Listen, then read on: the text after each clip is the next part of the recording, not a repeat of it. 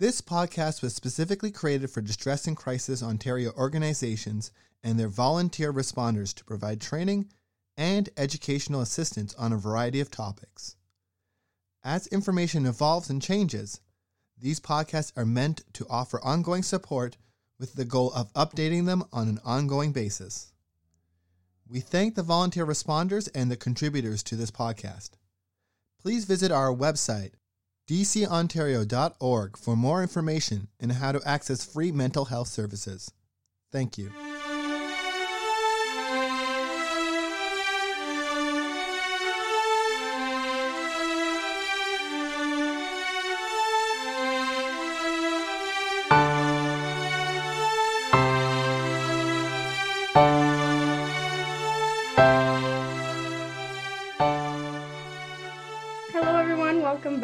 Another DCO Discourse podcast. And Merry Christmas if you're celebrating or just enjoying the holiday season.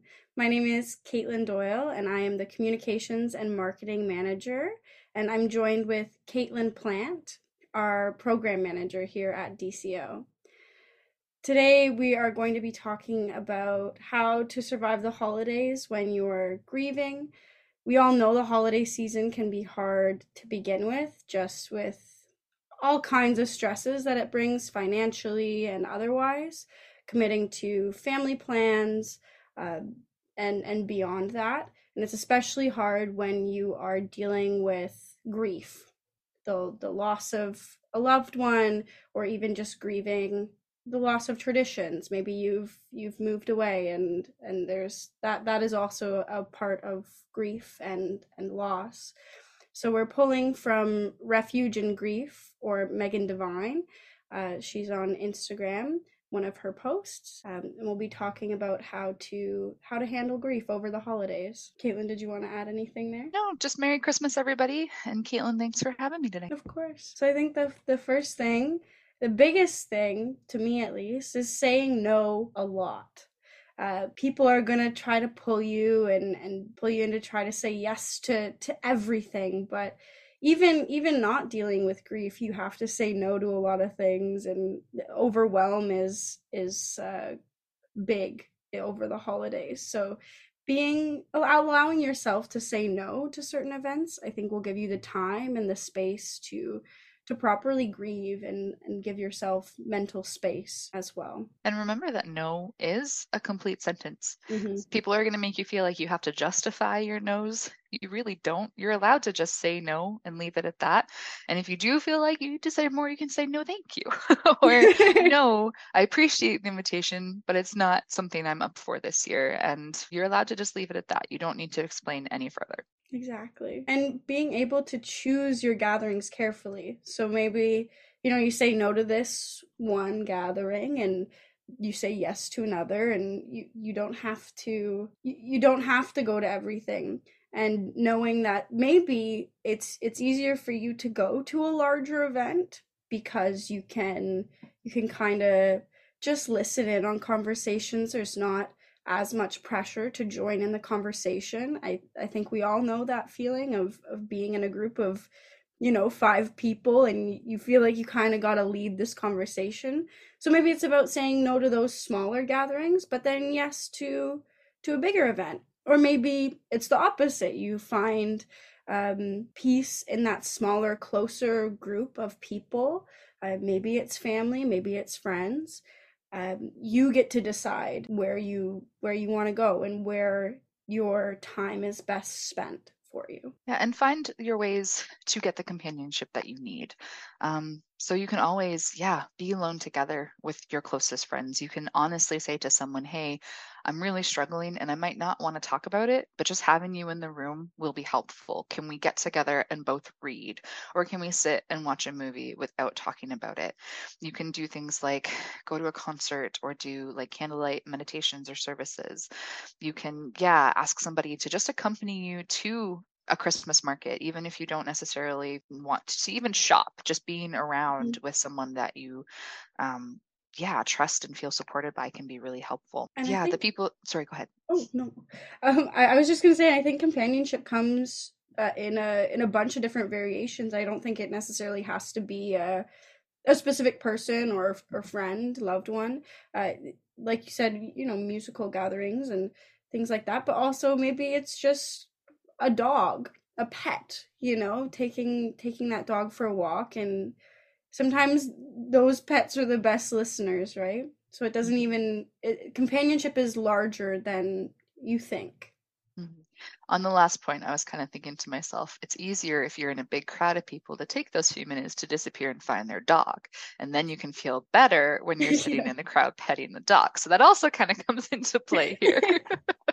yeah, you can take that little break for yourself, yeah. that little meditation, moment of meditation. That's that's always been me, even when I'm not in like a grieving stage of life. I'm always the person that at a party I go and find the dog at some point and just kind of recharge and have some quiet from the crowd with whatever pet is available to me. Yes. also something else that Megan mentions is is volunteering. So this this might be somewhere else where you find companionship and it it could be just volunteering for for strangers volunteering with a friend but it it was for her she says it was an acceptable reason for not attending family obligations but also a way that she could serve others in her own quiet way uh, which i think is is quite beautiful. So you can still be a part of holiday traditions and, and christmas celebrations but you you can you can do it with your own peace of mind and you don't you don't have to explain anything to anyone. You know you can just show up for the for the soup kitchen and and call it call it at that. And of course making sure to check in with yourself through every piece of this uh, every single moment. You don't have to, it's not just the big events that you need to be, you know, taking stock of how you're feeling, but also those, those little moments leading up to the journey, after the journey. Um, how are you finding time to make sure you're able to breathe and what kind of strategies do you want to put in place for yourself so you're able to to gauge when maybe something is just becoming too overwhelming before it gets overwhelming. And give yourself whatever you need in the moment. Whatever your body or mind is telling you to do just just do it and and take the time for that peacefully to make sure that you're feeling you're feeling up to anything. Also sort of related to the to the first point we brought up saying no is okay uh, consent is also important in all things. So once you've said no that that should be it. If your family members or friends are coercing you into trying to say yes like just remember that it's okay to hold your ground and remind them that they need to respect your decision to step back from gatherings and events. And they they can't force you to say yes. You know they get to feel disappointed maybe by your no and that will be hard i'm sure it's always hard to face family and friend disappointment but but knowing that in the long run this this no is important to you you can make some new rituals. You can find ways to um, yeah, celebrate the holidays maybe a little bit differently this time. Um, and you know what? And it doesn't have to be a new ritual either. You can continue old ones and put a new spin on them. Um, you can really allow yourself to, yeah, let go of expectations and traditions that are no longer serving you. Um, remind yourself that this isn't a normal holiday season for you, especially if it's your first time experiencing this holiday without the loved one who you've lost it's going to be really jarring and it's going to be really hard. And if you are trying to put expectations on yourself to treat it as normal, you're not going to be able to because it, just won't be. It's impossible for this holiday to be normal, um, at least normal in the way that it used to be. Uh, so, yeah, find some new rituals, find some ways to continue the bonds with your loved one who you've lost. Um, maybe you still hang their stocking and it might not have anything in it, but you can hang it as a reminder and in remembrance of them. Um, maybe you still bake their favorite holiday treat and it's something that you can enjoy yourself. Or if it's not a treat that maybe you enjoy, it's something that only they enjoyed, you can give it away to someone else. And then you're also doing something nice with that tradition.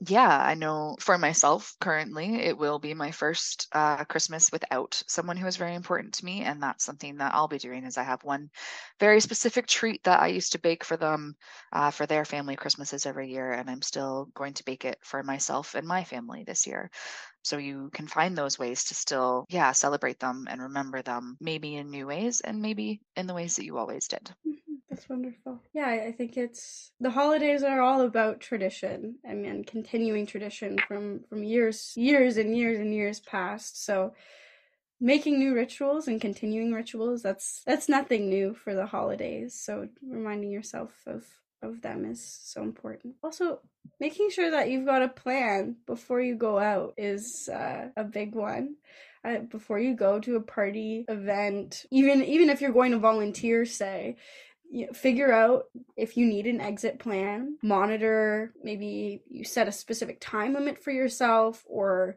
you are able to recognize uh, say an emotional cue uh, in your in your mind or your body that you feel and just know that that's that's your time to to leave to go back home take a breath do some nice self-care uh, set up maybe make sure there's a, a nice hot shower or bath waiting for you with all your favorite scents and and soaps all of that uh, is is important. And that it's okay that you can leave whenever you want. Nobody has to hold you there uh, you are not a bad person for leaving early. Uh, that's that's just what what what it is. You you're allowed to leave and yes you agreed to participate in an event but nobody nobody can keep you there. Just like the back to the consent point consent is important in everything uh, a yes can quickly turn into a no, and that's okay. So maybe you're listening to this podcast and you yourself haven't experienced a loss this holiday season, but somebody that you know has. Um, we also have some information still from Refuge in Grief um, from Megan on Instagram about how you can support the people in your life uh, who may be feeling a loss. Um, and just a quick reminder, too, that a loss doesn't necessarily have to be a death of a loved one. Um, maybe they're experiencing uh, like a loss of a job. Maybe they have someone in their life who's terminally ill, and this might be their last holiday with them, and that carries a lot of weight. Um, it could be a loss of a pet. Um, like Caitlin said earlier, like pets play a huge role in our lives, and if this is their first holiday without a pet around, that can be really hard. Um, there are so many losses that carry a lot of weight, so just kind of being aware of that as well. Um, and just knowing, yeah, how to, how to support people through this. Um, and a big part of that is understanding that it's okay for people to be sad during the holidays. Um, there are a lot of things in life that are going to make people feel crappy sometimes, and we don't always need to fix it for them. Um, telling someone that they shouldn't be sad, um, that maybe the person that they lost wouldn't want them to be sad, or trying to cheer them up only tells them that they can't show their true feelings around you. Uh, and that is not going to be healthy for the relationship. And I don't think you are going to want to make people feel feel that way. Um, So really support them in however they're feeling, and yeah, let them know that it's okay not to be okay right now. Yeah, and I think it, eh, on that, letting that grieving person lead. You know, uh, we all think that, eh, for, for example, you you don't want to leave them alone for the holidays. You want to make sure that they're they're coming to every event. You want to make sure that you're able to check in on them and and see them which is in good conscience like that that is coming from a place of care. But if that person says hey i don't want to do that. I just i need to be alone. I want to be alone respect that and let them lead the way i mean check in with them and, and see how they're doing but but never never force them to do anything uh, if they feel like talking about it, you talk with them about it. If they don't want to talk about it, you don't have to. You don't. You don't push anything. And especially, you're not criticizing how they're handling anything surrounding the holidays. Again, if they want to be alone, and that's just not the way that you do it, you are a big family person, and you you show up for your family every every Christmas, every holiday they're not wanting to do that, it's not your place to say, well, the holidays are are about family and you know, I'm sure we've we've all heard that before, right? So reminding them however they want to grieve is is right. And i mean unsolicited advice keep keep it to yourself i think. Unless they're asking you for help it's uh, it's not it's not really your place. Yeah following along with that like really the best thing that you can do is ask them. Ask them what they need. Ask them what's going to help them feel better. Ask them even just how they want you to check in with them. Mm-hmm. um, because I know too, like when you're in a place of grief, when you're in a place of challenging times, sometimes people who are really, really well intentioned, just texting all the time to check in can feel really exhausting and can feel really hard to handle. And it can make the person feel even more overwhelmed. So maybe you agree that you'll check in first thing in the morning and at the end of the day. Um, and other than that, unless they reach out first, you know that they need their space, um, that kind of thing. Um, but always yeah asking them first and not trying to force them into any any one thing or any one celebration or any one idea of what you think will be best for them. Um, like Caitlin said yeah just really making sure you give them the lead. And and yeah kind of watching how you talk about things. Um, it's really hard to feel kind of that quote unquote holiday cheer at certain mm-hmm. times. And if people are trying to get you to focus on gratitude and abundance and all of those kind of light, happy things that you are struggling to recognize, like it can be really, really alienating. Um, gratitude and grief don't cancel each other out, they exist side by side. So meet them where they're at and yeah kind of mirror how they are approaching things um, and and really don't try to yeah, force any one thing on them. It's really, really big. Mm-hmm. And maybe something that might be helpful. Again, you have you've got to gauge gauge where they're at, let them lead it. But maybe it might be helpful too to to share a memory of that that loved one or or the pet or uh, maybe they've they've moved recently and are feeling alone in that sense. They're grieving that that kind of loss. So maybe a memory of of that past. Um, again making sure that that you are meeting them where they're at and you're not pushing too much. Obviously if they've gone into a place maybe they're a little more shut down then i'd say maybe that's not the best time to to bring up these these feelings but they might be ready to to talk and to share these memories with you and keep the memory of this this person or, or thing alive and well over the holidays as well. Make sure you're inviting them out to things so they're not feeling alone uh, but don't force it of course. Um, we don't want them to feel alienated either think like Caitlin said that's that's a big thing where you just don't feel that festive holiday cheer and that that can be like Caitlin said very alienating but making sure that you let them know that they are welcome at all of these events and if they need someone to lean on at those events that you will be that person no questions asked. And even letting them know when you say it's time to go i will go with you you can help them set a schedule. Of course, never forcing anything. Again, going back to letting them lead and and all we were talking about before with consent. If they say no, you just take it at that. Uh, but even something that might be nice is just taking them for for coffee over the the holiday season. You know, it doesn't have to be a big group festive event, but it can be those small moments just where you're able to spend time with them and talk to them about whatever they're feeling. And make sure that they know that you're not going to feel um, offended in any way if they change their minds at the last mm-hmm. minute. Maybe they say yes when you suggest the plans, and on the day of, they're not up for it.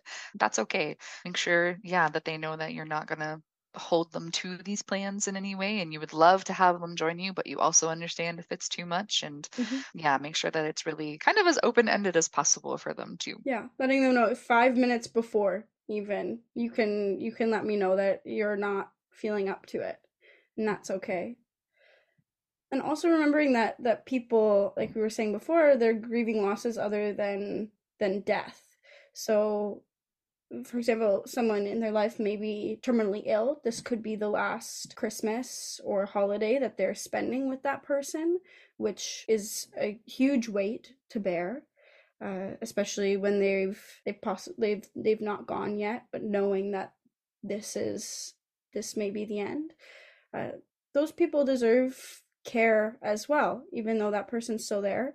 Uh, maybe check in with a with a care package or offer some offer some support resources offer your company be present with them and then well, of course listen without trying to cheer them up you know? Again understanding that they they will be sad. Again not not necessarily all the time but but that's okay. That that grief is okay. And i think offering your presence in this case too doesn't necessarily mean offering your presence to them but Mhm. offering your presence with their loved one if they have someone who's in end of life care or who they're caring for at home, say, hey, what if I come and sit with your family member, the person you're caring for, whomever, um, for a few hours and you can go and do something, even if it's just that they go and have a bath. Mhm. They'll know that someone that they trust is there, still supporting the person, and it can help alleviate some of that guilt of what they're doing for themselves. Um, so it doesn't necessarily have to be that, yeah, you're like, hey, let me take you out for coffee. It's, hey, let me sit with this person so you can go do what you would like to do. hmm Yeah. Or even just go go read a book or in the other room even just so yeah, the weight the weight is shared. Yeah. And I think too again gauging where your friend is at, knowing who they are and and understanding where they're coming from. But it might be nice to maybe raise a toast to those who aren't present and, and say their names, remind them that they are they're still a part of the holiday celebration. And this lets your grieving friends know that that you haven't forgotten who these people are. They're welcome to talk about those people and letting them know that that you know it's okay to not be okay. Again all of this said making sure that you are letting that friend lead and gauging where they're at and meeting them there. So those are the tips from from refuge in grief or megan. You can check out her page on instagram. She's got a lot of really helpful little toolkits and tricks. Uh, she talks very very well about grief and and how to handle grief supporting others through grief. And and and knowing that there's there's no right way to grieve either. There's no even though we've given you this this list of things these this list of tips knowing that that maybe this this thing doesn't work for you and that's okay. You don't have to nobody is going to grieve the same way. So thank you so much caitlin for for sharing with me today uh, this was Thanks a for having me. of course a nice conversation a heavy one but but i think important Mhm. so thank you so much for listening And Merry Christmas. merry christmas